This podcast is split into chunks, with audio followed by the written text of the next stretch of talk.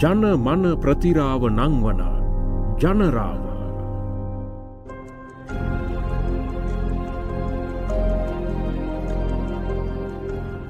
Freedom හවස් හි දායකත්වයෙන් නැගෙනහිර පලාතේ කන්තලේ ජාතික සහයෝගිතා සංවර්ධන පදනම ඉදිරිපත් කරයි. නැගෙනහිර පලාතේ ජනජීවිතයට බලපාන ගැටලු කිහිපයක අලුත්ම තත්ත්වය ගැන අද ජනරාව අවධානය යොමු කරනවා.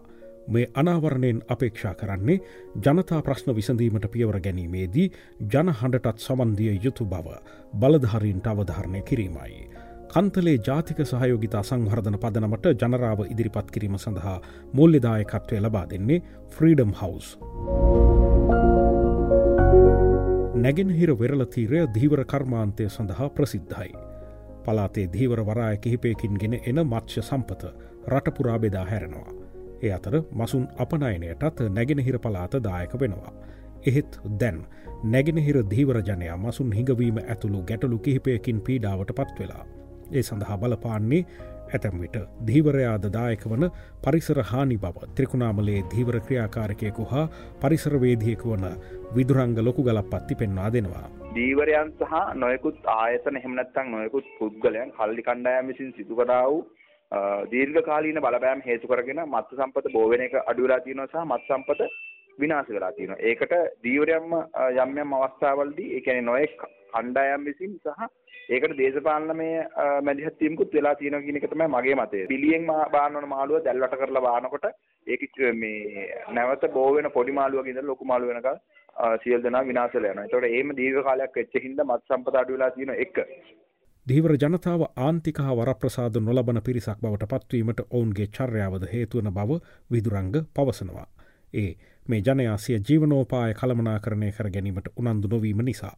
විශේෂයෙන් ඉතුරුම් ආදිය ගැන උනන්දුවක් නැති ඔවුන් එදාවේ ලය පෙන්න්නන්. දෙවනි කාරණය වෙලා තින දීවරයා තමන්ගේ රැකියාව කරලා ඔවුන් උපයාගන්නා මුදල නිසි කළමනාකරණයක් වෙනවාද කියන ප්‍රශ්නයක් කතා කරන්න නොමොකද ඔවුන්ට ඒ ගැන අවබෝධයක් නැහැ. ඔවුන්ගේ මුදල් ඔවුන් කොහොමද පරිහරණය කරගන්නේ එහෙම නැත්නම් ඒක වීදම් කරන්න ඕනේ මොකටද කියන එක ගැන නිසි අවබෝධයක් සහ ඔවුන්ට ඒක පිළිබඳ දැනීමක් නැහැ කියන තැන මම ඉන්නවා. මොකද ඒක අපිට ජීවිතයත් එක්ක ආශ්‍රය කරාම සහ ඒ පරිසරය තුළ ජීවත් වෙනකොට තේරෙනවා.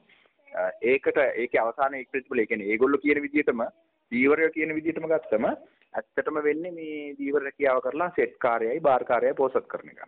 අනාගත පරම්පරාව සඳහා අධ්‍යාපනික වශයෙන් ආයෝජනය කිරීමට ඔවුන් තුළ ඇති උනන්දුව අල්පයි. විදුරංග පෙන්වා දෙන්නේ දරුවන් නිසි ඉගැන්වීමකට යොමු නොකිරීමත් දීවර පවුල්වල පසුගාමීත්වයට හේතුවක් බවයි. අනාගත පරම්පරාව ඇත්තට මේගොල්ලෝ නිසි විදියට යොදා ගන්නවාද කියන ප්‍රශ්නය. මොකද ඒගොල්ලෝගේ අධ්‍යාපනය ගැන දරුවන්ගේ අධ්‍යාපනය ගැන හොයන්න තරම් දැනුමක් එහෙම නැත්නම් ඒ ගැන උනන්දුවක් ඒගොල්ලන්ට නැහැ. ඒගොල්ලෝ හිතනවා අද මොහොතට ගිහිල්ලා අපි කීයක් හරි හොයාගෙන ආවේ ඒකෙන් කෑව බිව්ව ඔක්කොම කරා ඉවරයි. ඊට පස්සේ දරුවොත් ඒ හා සමාන ඒ විදිහට ජීවත් වෙන්න ඕනේ කියන මානසික මට්ටමේ ඉන්න. ඉතින් ඒක රටක් විදිහට සහ ඔවුන්ගේ අනාගතයේ විදිහට එහෙම නැත්නම් ඔවුන්ගේ පැවැත්ම විදිහට ඉස්සරහට ඉතාමත් දැඩි විදිහට බලපානවා. නැගෙනහිර දීවර ජනයාට විශාල පීඩාවක් ඉන්දියානු දීවරයින්ගෙන්ද එල්ල වෙනවා. ඒ ඔවුන්ගේ මත්ස්‍ය සම්පත අනවසරයෙන් කොල්ල කෑම නිසා. ඉන්දයානුවන් භාවිතා කරන තහනම් පන්න ක්‍රමවලින් මෙරට මුහුදේ මත්ස්‍ය ගහනය අඩුවෙනවා. විදුරංග පවසන්නේ රජය නැගෙනහිර දීවර ජනයා වෙනුවෙන් මේ ආක්‍රමණය අවහිර කළ යුතු බවයි. මේ වෙනකොට බහුදින දීවර යාත්‍රා සහ ඩිංගි බෝට් මම දැන් ඔය කිව්වේ ලාම්පිල් ගහලා යන බෝට් කියලා. ඒකට ඒවා යනකොට ඒ ඒ දැන් ඒ ඉන්දියානු මුහුදු සීමාවේ ඉන්න මාළු එක කාලයක් තියෙන ඒ කාලෙට එනවා මේ ලංකා මුහුදු සීමාවට. හරිද? එතකොට මේ ලංකාවේ මුහුදු සීමාවට එනකොට ඉන්දියාවේ තියෙන ඔය ට්‍රේලරින් ක්‍රමයට මාළු අල්ලන එක. ඒකට දැන් මේ වෙනකොට මේ ආණ්ඩුව විසින් අවසර දීලා තිනවා උන්ටත් මේ සීමාවට ඇවිල්ලා මාළු අල්ලන්න කියලා. ඒතකොට එහෙම වුණා මේ මිනිස්සු මුහුදු සතපුම් 30 40 ගිහිල්ලා රාත්‍රී කාලයේ ගිහිල්ලා එතන ඉඳලා මේ මාළු ටික අල්ලගෙන ඇවිල්ලා තමයි ඒක තමයි ඕනේ එක කාලයක් තියෙන ඒ කාලෙට ඉහළ ආදායමක් ලබන්නේ. දැන් මේ වෙනකොට ඒ ආදායම විය කියලා තියෙනවා. මොකද මොකටද ගියාට වැඩක් නැහැ මාළු නැහැ. නිලාවැලි කල්ලරාවේ චන්ද්‍රිකා මානිල් දීවර රැකියාවේ නිරත්ත කාන්තාවක්. විදුරංග සඳහන් කළ පොදු දීවර ගැටලුවට අමතරව තමන් වැනි ස්ත්‍රීන් මුහුණ දෙන බරපතල ශුද්‍රමූල්‍ය ව්‍යසනය ගැන ඇය අපහා කතා කළා. මූලිකාව මෙයා කරගන්න පිරිමි කෙනාව ගන්න නෑ. පිරිමි කෙනාට ණයවැටුප දෙන්නේ ගැහණු කෙනා හරහා දීවර කාන්තාව හරහා. එතකොට අසරණ වෙන්නේ කාන්තාව. දැන් සැමියා ඉන්නවා නම් සැමියා රැකියාව කරනවා නම් එයාට ඒක ගෙවා ගන්න බැරි තත්ත්වයක් අද උද්ගත වෙලා තියෙනවා. බොහෝ දීවර කාන්තාවන් නිසි අධ්‍යාපනයක් ලබා නැහැ. ඒ බව දන්නා සමාගම්වල උපක්‍රමය ඉංග්‍රීසියෙන් මුද්‍රිත ලිපිලේකන භාවිතා කිරීම. මානෙල් පවසන්නේ ඉන් දීවර කාන්තාවන්ගේ අයිතින් උල්හංගනය වන බව. ඒ ෆෝම් සෙට් එක සම්පූර්ණයෙන්ම තියෙන ඉංග්‍රීසි වලින්. එතකොට කිසි කෙනෙක් ඕක කියවන්නේ මමත් ඔය ණය ගත්තා. මේ මමත් ඒක වැඩි මුදල ගෙවලා ඉවර කරා කොහොම හරි. ඉතින් මේ තියෙන කිසිම දෙයක් කියවන්න තේරෙන්නේ නැහනේ. තව කෙනෙක් ළඟට කියලා ඒක කියවන්න උත්සාහ කරන්නෙත් නැහැ. අර එන මේ වලට අත්සන් ගන්නවා 100ක් විතර.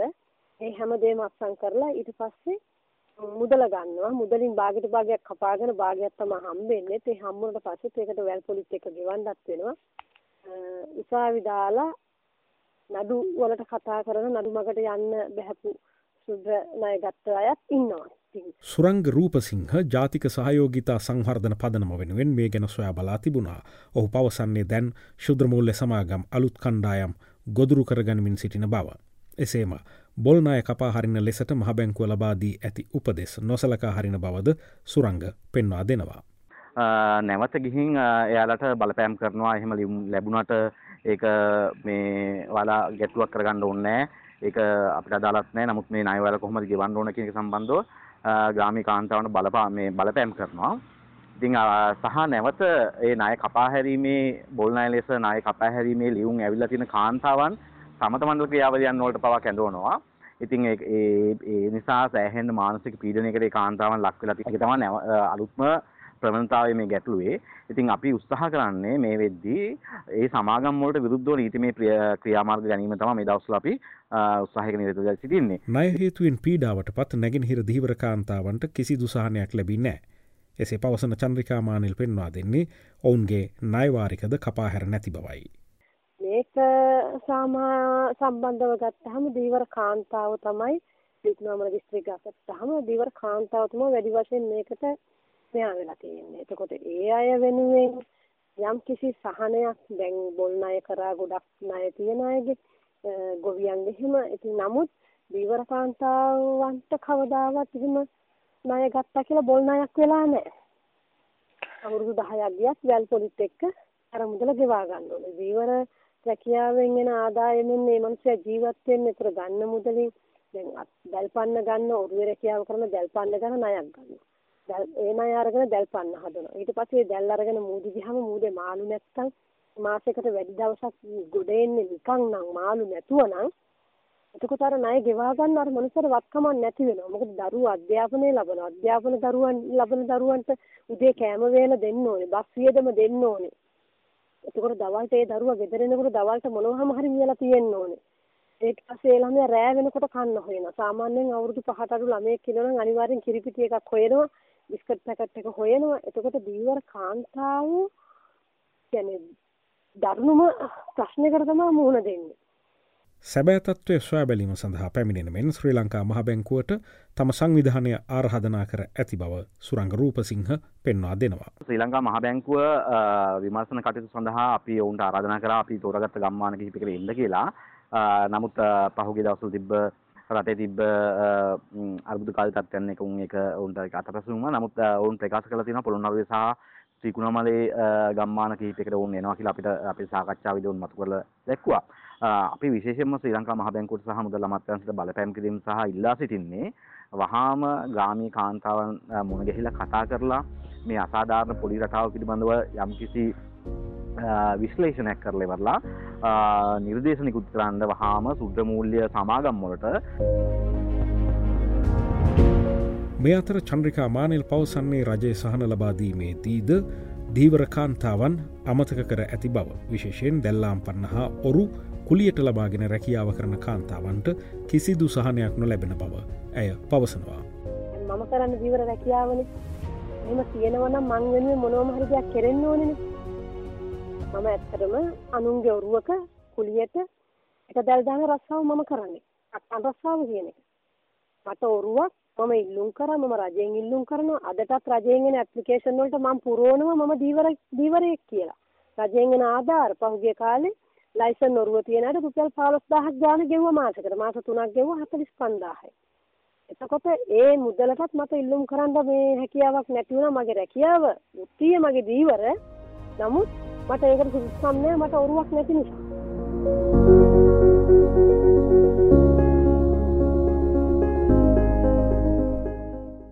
නැගෙනහිර ජනගැටලු ගැන සොයා බලන ජනරාව පානව ඉඩම් ගැටලුව ගැනත් අවධාන යොමු කලා අප හා කතා කළ පානමජී විමලසේන පැවසුවේ තම ගමේ ජනයා ජීවනෝපාය සරිකරගත් ඉඩම් මංකොල්ල කෑම තවම සිදුවන බවයි.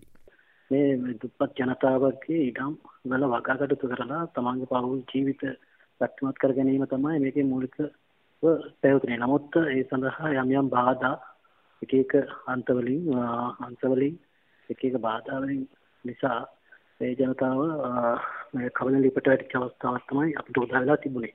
පානම ජනයාට තමන් භුක්ති විඳින ඉඩම් සඳහා ස්තිර ඔප්පු නැහැ. විමලසේන පවසන්නේ යුද්ධයද තවත් හේතු ගණනාවක්ද ඒ සඳහා බලපා ඇති බව. කෙසේ වෙතත් ඔවුන් පරම්පරා ගණනාවක් මේ බිමේ පදිංචිව සිටියා. වැඩි ජනතාවකට ලිකිතව බලපත්‍ර හිමිවෙලා නෑ ඒකට අවශ්‍ය අවශ්‍ය කටයුතු සිදුවෙලා නෑ මුලික ප්‍රශ්නය. එතකොට මේ ප්‍රශ්නයත් එක්ක මිනිස්සුන්ට තමන් අර නීත්‍යානුකූල නොවන රජයේ අනවසර ඉඩම්වල පදිංචිය කියන කොටස තමයි තියෙන්නේ. යුද්ධෙත් එක්ක මිනිස්සු ආර්ථික බලපත්‍ර වලට ගෙවාගෙන පවා ආවා. නමුත් එයාලට අවශ්‍ය ලියකියවිලි දුන්නේ නැහැ. පසුගිය සමයේ ප්‍රබල මතයක් ගොඩ නැගුණේ මේ ජනයාට ඔවුන්ගේ ඉඩම් ලබාදිය යුතු බව. එහෙත් දේශපාලන උමනා මත එය තවම ඉටු නොවූ බවයි විමලසේන පෙන්වා දෙන්නේ. පහුගිය කාලේ තිබිච්ච ගැටලුවෙන් උසාවි නඩු තීන්දුවත් එක්ක ලැබිය යුතුයි කියන මට්ටම තමයි තිබුණේ. නමුත් දැනට නැවතත් ඒ தත්ත්වෙටම පත් වෙලා තියෙන ගැන අපි බොහොම කනගාටුවෙන් තමයි ඉන්නේ. ඒ නිසා මම හිතන්නේ මේක මේ මිනිස්සුන්ට මේ මේ අයිතිය සාමාන්‍යයෙන් පුරවැසියෙකුට ලැබිය යුතු අයිතියක් තමයි මේ ඉඩමක් වගා කරගෙන යෑම. මුහුදුකර වැදිජනයා ඇතුළු නැගෙනහිර ආදිවාසින් ගැනද ජනරාව මෙවර විමසුමේදී සොයා බැලවා. තවමත් වැදිජනයා ඌන සංවර්ධනය ගොදුරක්වීමේ හේතු පැහැදිලි කළේ නැගෙනහිර මාධ්‍යවේදී මංගලනාත් ලියනාරච්චි. උන් කොටුවෙලා තින්නේ එක්තරා සීමාකාරය වෘතියන් කිහිපකට පමණයි. එකක් තමයි මී කැඩීම මී පැණිකුතු කිරීම. ඊළඟ එක මසුන් මැරීම කියන්නේ දීවර කර්මාන්තය හැබැයි දීවර කර්මාන්තය වුණත් ඔවුන් ඉතාමත් ප්‍රාථමික අන්දමින් තමයි ඒක නිර්ත වෙන්නේ. ඒ වගේම දැන් ගොවිතැන අපි ගමු අපි ගත්තොත් මෙහෙම හේන් වගාව ගොවිතැන වගේ එව් එම ඒ ඒ මේ කර්මාන්තත් ඔවුන් ඉතාමත්ම ප්‍රාථමික මට්ටමින් කරන්නේ මොකද ඔවුන්ට ඒ සඳහා වෙනත් කියන්නේ වෙනත් පිරිස් වෙනත් ජන වර්ග වලට ඒ සඳහා ආධාර ඒ වගේම උපදෙස් ඒ වගේම ඔවුන්ට මාර්ගෝපදේශ ලැබුණට මේ ආදිවාසීන් ආරම්භය එවැනි කටයුත්තක් එහෙම දේවල් ක්‍රියාත්මක වෙන්නේ තමත් අඩුවෙන්. ඉතින් මේ නිසා ඔවුන් එක්තරා රාමුවකට සීමා වෙලා ඉන්නවා. මොකද මේ ඔවුන්ට දේශපාලනඥයන් ඒ වගේම රාජ්‍ය නිලධාරීන්ගේ තියෙන ඔවුන් පිළිබඳ තියෙන උනන්දුවක් අඩුකම හින්දා ඔවුන් ඒම වෘත්තීන් වලින් ඉදිරියට යෑමේ අපහසුතාවයක් තියෙනවා. විශේෂයෙන් දැන් ඔවුන් හේන් වගාව කරනවා. හැබැයි හේන් වගාවේ ඔවුන්ගේ අස්වැනු නෙළන සමය වෙනකොට විවිධ වෙනත් පිරිස් ඇවිල්ලා වෙනස් ජනවර්ගවල පිරිස් ඇවිල්ලා ඉතාමත්ම අඩු මුදලකට ඔවුන්ගේ අර භෝග අස්වැන්න මිලදී ගන්නවා. ඒතර ඔවුන් දන්නේ ඔවුන්ට ඇත්තටම ලොකු අධ්‍යාපන මට්ටමක් නැහැ. මේ නිසා ඔවුන් හුරු වෙලා ඉන්න ළඟට ඇවිල්ලා අඩු මුදල හරි දීලා එතකොට විවිධ භාණ්ඩ දීලා රවට්ටලා ගෙනියන ඒ රැවටිලිකාරී ආර්ථිකයට උන් හවුලා ඉන්නවා. ඒ නිසා තමයි උන්ට ඔවුන්ගේ කර්මාන්ත වලින් ඉදිරියට යamak දකින්න ලැබෙන්නේ. යන්නඔය ජලාශ්‍ය ව්‍යාපෘතියත් අනුරහදපුර දිසාවට මෙන්ම නැගෙනහිර ත්‍රිකුණාමලේ ජනජීවිතවලටත් බලපානවා. ඒ ගැනත් ජනරාව අවධාන යොමු කලා. අප හා සංවාදයට එක්වුණේ ජාතික ඉඩම් හා කෘෂිකර්ම ප්‍රතිසංස්කරන ව්‍යාපාරයේ සජීව චාමිකර. යහන්ඔය බහුකාරය ව්‍යාපෘතිය යටතේ මේ වන විට අවතැන් වෙලා තියෙන ජනතාව ගැටලු ගණනාවකට මුහුණ දීලා තියෙනවා. පළවෙනි ප්‍රධානම ගැටලුව තමයි නැවත පදිංචි කිරීම ක්‍රියාවලිය. නැවත පදිංචි කිරීම ක්‍රියාවලියේදී වැඩිපුරම ජනතාවක් නැවත පදිංචි කරලා තියෙන මේ ව්‍යාපෘතිය ඇත්තේ ඍජුව අවතැන් වෙච්ච ජනතාව අලියතුන් ජීවත් වෙන වනාන්තර ආශ්‍රිත ප්‍රදේශ තුල තමයි මේ ජනතාව පදිංචි කරලා තියෙන්නේ. ඒකත් එක්කම මේ ජනතාවට නිරන්තරයෙන්ම අලි මිනිස් ගැටුමට දරුණු ලෙස මුහුණ දෙන්න සිදු වෙලා තියෙනවා. අනිත් පැත්තේ මේ ව්‍යාපෘතියත් සමග විශාල අලි මිනිස් ගැටුමක් අලුතෙන් නිර්මාණය වෙන්න ප්‍රධාන පදනම සකස් වුණා. අක්කර 17000කට වැඩි වනාන්තර ප්‍රමාණයක් එලිපිහිලි ඍජුව එලිපිහිලි කිරීම වලට ලක් වුණා. මේ ව්‍යාපෘතිය ඉදිකිරීම කටයුතු සහ සියලු සංවර්ධන කටයුතු සඳහා. ඒ හේතුවෙන්ම මේ ප්‍රදේශයේ අලි මිනිස් ගැටුම වර්ධනය වුණා වගේම ඒ අලියතුන් ගේ දැනට වාසස්ථාන විදිහට තියෙන ඊටාම සුවල්ප වෙච්ච වනාන්තර ප්‍රදේශ ආශ්‍රිතව මේ ජනතාව නැවත පදිංචි කිරීමේ ප්‍රතිඵලයක් විදිහට දරුණු අලිමිනිස් කැටුමකට මේ ජනතාවට මුහුණ දෙන්න සිදු වෙලා තියෙනවා. ඒක මේ නැවත පදිංචි කරපු ජනතාව මුහුණ දෙන ප්‍රධාන අභියෝග වලින් එකක්. අනිත් පැත්තෙන් ජල අර්බුද වලට මුහුණ දෙන්න සිද්ධ වෙලා තියෙනවා. පානීය ජලය පිළිබඳ ලොකු ගැටලුවක් තියෙනවා මේ නැවත පදිංචි කරපු ජනතාවට. ඊට අමතරව ප්‍රධානම ගැටලුව මතුවලා තියෙන්නේ මේ නැවත පදිංචි කිරීම වලින් තරමක් දුරින් පිහිටලා තියෙන කලාපයක තමයි අවතන් වෙච්ච ජනතාවට එහෙම නැත්නම් වගාබිම් අහිමි වෙච්ච ජනතාවට වගාබිම් ලබා දීලා තියෙන්නේ. එතකොට වගාබිම් ලබා දීලා තියෙන ජනතාවට අදවන තුරුත් නිවැරදි පරිදි වාරි ජලය ලබා ගන්න බැරි වෙලා තියෙනවා. වගාබිම් නිවැරදි පරිදි සකස් කරගන්න මේ වගාබිම් ලබා දීමේ ක්‍රියාවලිය සිද්ධ වෙලා නැහැ. ඒ විතරක් නෙමේ මෙතෙක් කාලයක් දැන්ට අවුරුදු පහකට වැඩි කාලයක් අවතැන් වෙලා ඉන්න ජනතාවට මේ ප්‍රදේශවල නැවත පදිංචි වෙලා වගාබිම් පවත්වාගෙන යාමේදී වගාබිම් නැවත සංවර්ධනය කරගන්න තත්ත්වයට පරිවර්තනය වෙනතුරු ඔවුන්ට කන්නවන්දි ලබා දීමේ ක්‍රියාවලිය ඒ වගේම ඒ ජනතාවට ජීවත් වීමට සුදුසු වාතාවරණයක් ගොඩනැගීම සඳහා කිසිදු ආකාරයකින් මැදිහත් වීමක් මේ ව්‍යාපෘතිය යටතේ සිද්ධ වෙලා නැහැ. අනිත් පැත්තෙන් ඊළඟ එක තමයි ප්‍රධාන වශයෙන්ම ජනතාව මේ ආකාරයෙන් පීඩනයට පත් වෙච්චි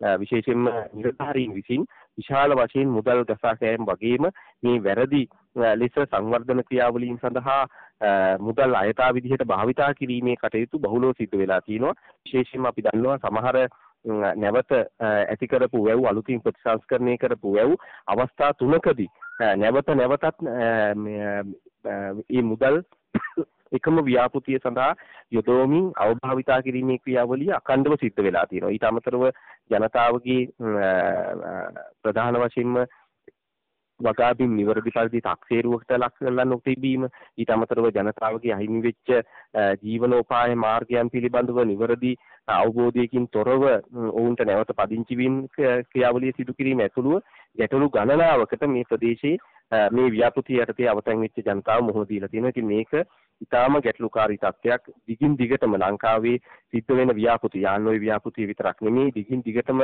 මීට පෙරදී සිද්ධ වෙලා තියෙන ව්‍යාපෘති වලින් අත්දැකීම් ඒ ආකාරයෙන් ලබා ගන්න. ඉතින් තොරව යාන්වයි ව්‍යාපෘතියේදීත් අඛණ්ඩව මේ තත්ත්වය ඇතිවීම කියන එක ප්‍රධාන ගැටලුවක් වෙලා තියෙනවා. ඒකට ප්‍රධාන වශයෙන්ම බලපාලා තියෙන්නේ දැනට තියෙන ප්‍රතිපත්ති විශේෂයෙන්ම ස්වේච්ඡාවෙන් ඕන අවතැන්වීම පිළිබඳ ප්‍රතිපත්තිය ඒ වගේම මේ ජනතාව පදිංචි කිරීමේ ක්‍රියාවලිය අවතැන් වන ජනතාව පදිංචි කිරීමේ ක්‍රියාවලිය නියාමනය කිරීම සඳහා තියෙන අනපනත් නිවැරදි පරිදි ක්‍රියාත්මක නොවීම කියන මේ සියලුම තත්ත්වයන් පදනම් කරගෙන තමයි මේ ජනතාව ලොකු පීඩනයකට පත් වෙලා තියෙන්නේ.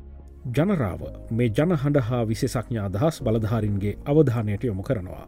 ඒ සැබෑ මහජන වුවමනාව හඳුනාගැනවින් සංහර්ධන කාර්යන් සැලසුම් කළ යුතු බව පෙන්වාදීම සඳහා.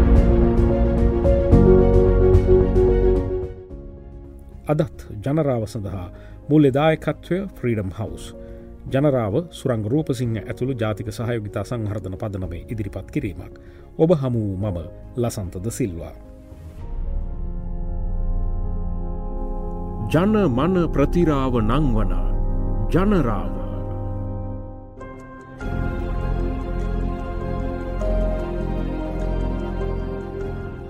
ෆ්‍රීඩම් හවස් හි දායකත්වයෙන් නැගෙනහිර පලාතේ කන්තලේ ජාතික සහයෝගිතා සංවර්ධන පදනම ඉදිරිපත් කරයි.